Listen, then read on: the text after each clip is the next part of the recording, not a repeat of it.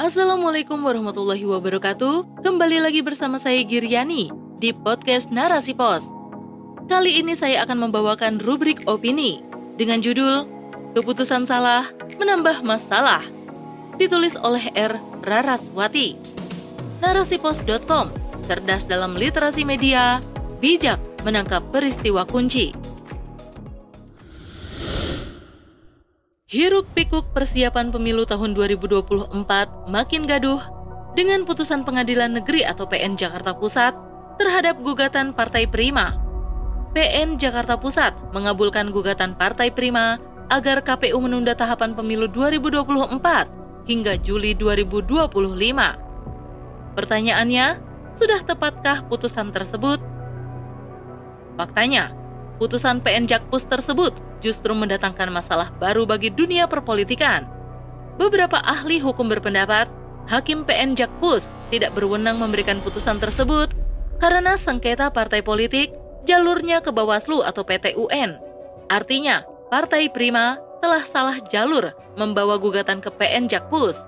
Parahnya lagi, Hakim PN Jakpus justru mengabulkan seluruh gugatan tersebut meski bukan kewenangannya bermula dari Partai Prima yang melayangkan gugatan ke Pengadilan Negeri Jakarta Pusat karena merasa dirugikan KPU dalam hal verifikasi administrasi partai politik. KPU menyatakan Partai Prima tidak memenuhi syarat atau TMS dan tidak bisa mengikuti tahapan berikutnya.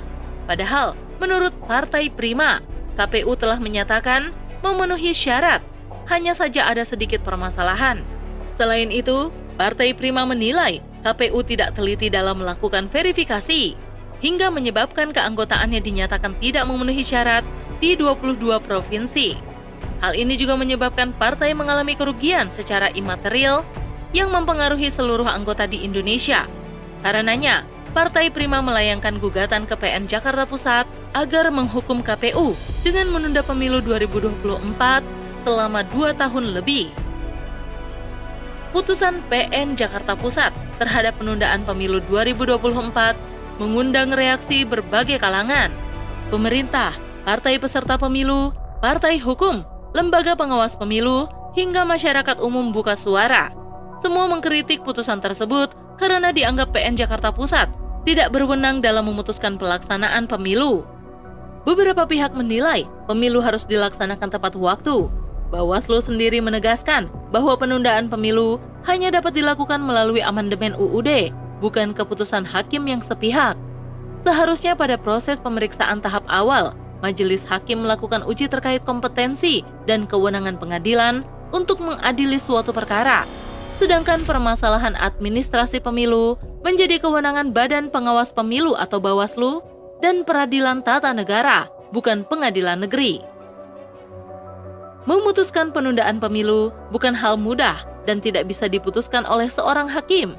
Ada tahapan tertentu yang harus dilakukan oleh pihak yang berwenang. Penundaan pemilu juga akan berakibat pada beberapa hal.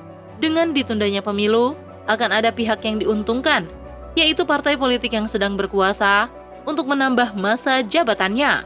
Hal ini tentu tidak adil bagi partai lain yang ada di luar pemerintahan Selain itu, pemilu pada sistem demokrasi membutuhkan biaya besar. Kurang satu bahkan dua tahun pelaksanaan saja, partai politik calon peserta pemilu harus mengeluarkan banyak biaya. Jika tiba-tiba pemilu ditunda di tengah persiapan yang sudah berjalan, sudah pasti mendatangkan kerugian material bagi partai politik pesertanya. Hakim memiliki tugas menerima, memeriksa, mengadili, dan menyelesaikan setiap perkara yang diajukan masyarakat. Hakim juga berkewajiban membantu masyarakat dalam mencari keadilan dengan memberikan keputusan berdasarkan asas bebas, jujur, tidak memihak di sidang pengadilan berdasarkan undang-undang yang berlaku. Keputusan hakim merupakan hukum yang akan dilaksanakan oleh pemohon gugatan maupun tergugat. Jika keputusan tersebut benar, maka hukum bisa terlaksana dengan tepat dan sebaliknya. Begitu beratnya tugas seorang hakim, menjadi layak jika ia mendapatkan gaji yang tinggi, ada tanggung jawab besar yang harus dipikul oleh hakim. Kesalahan dalam memutuskan suatu perkara bisa berakibat fatal dan memengaruhi banyak hal. Karena itulah, sudah seharusnya hakim mendapatkan gaji yang besar. Dilansir dari finance.detik.com, bahwa gaji pokok ketua MK sebesar Rp5.040.000. Gaji tersebut mungkin dianggap kecil mengingat besarnya tanggung jawabnya. Namun, dalam peraturan pemerintah nomor 55 tahun 2014 diatur tunjangan jabatan ketua MK sebesar Rp121.609.000 sehingga jika ditotal menjadi Rp126.649.000. Namun, kenapa masih ada hakim yang memutuskan suatu perkara dengan keputusan salah? Bahkan masyarakat sering menyebut hukum tajam ke bawah, namun tumpul ke atas.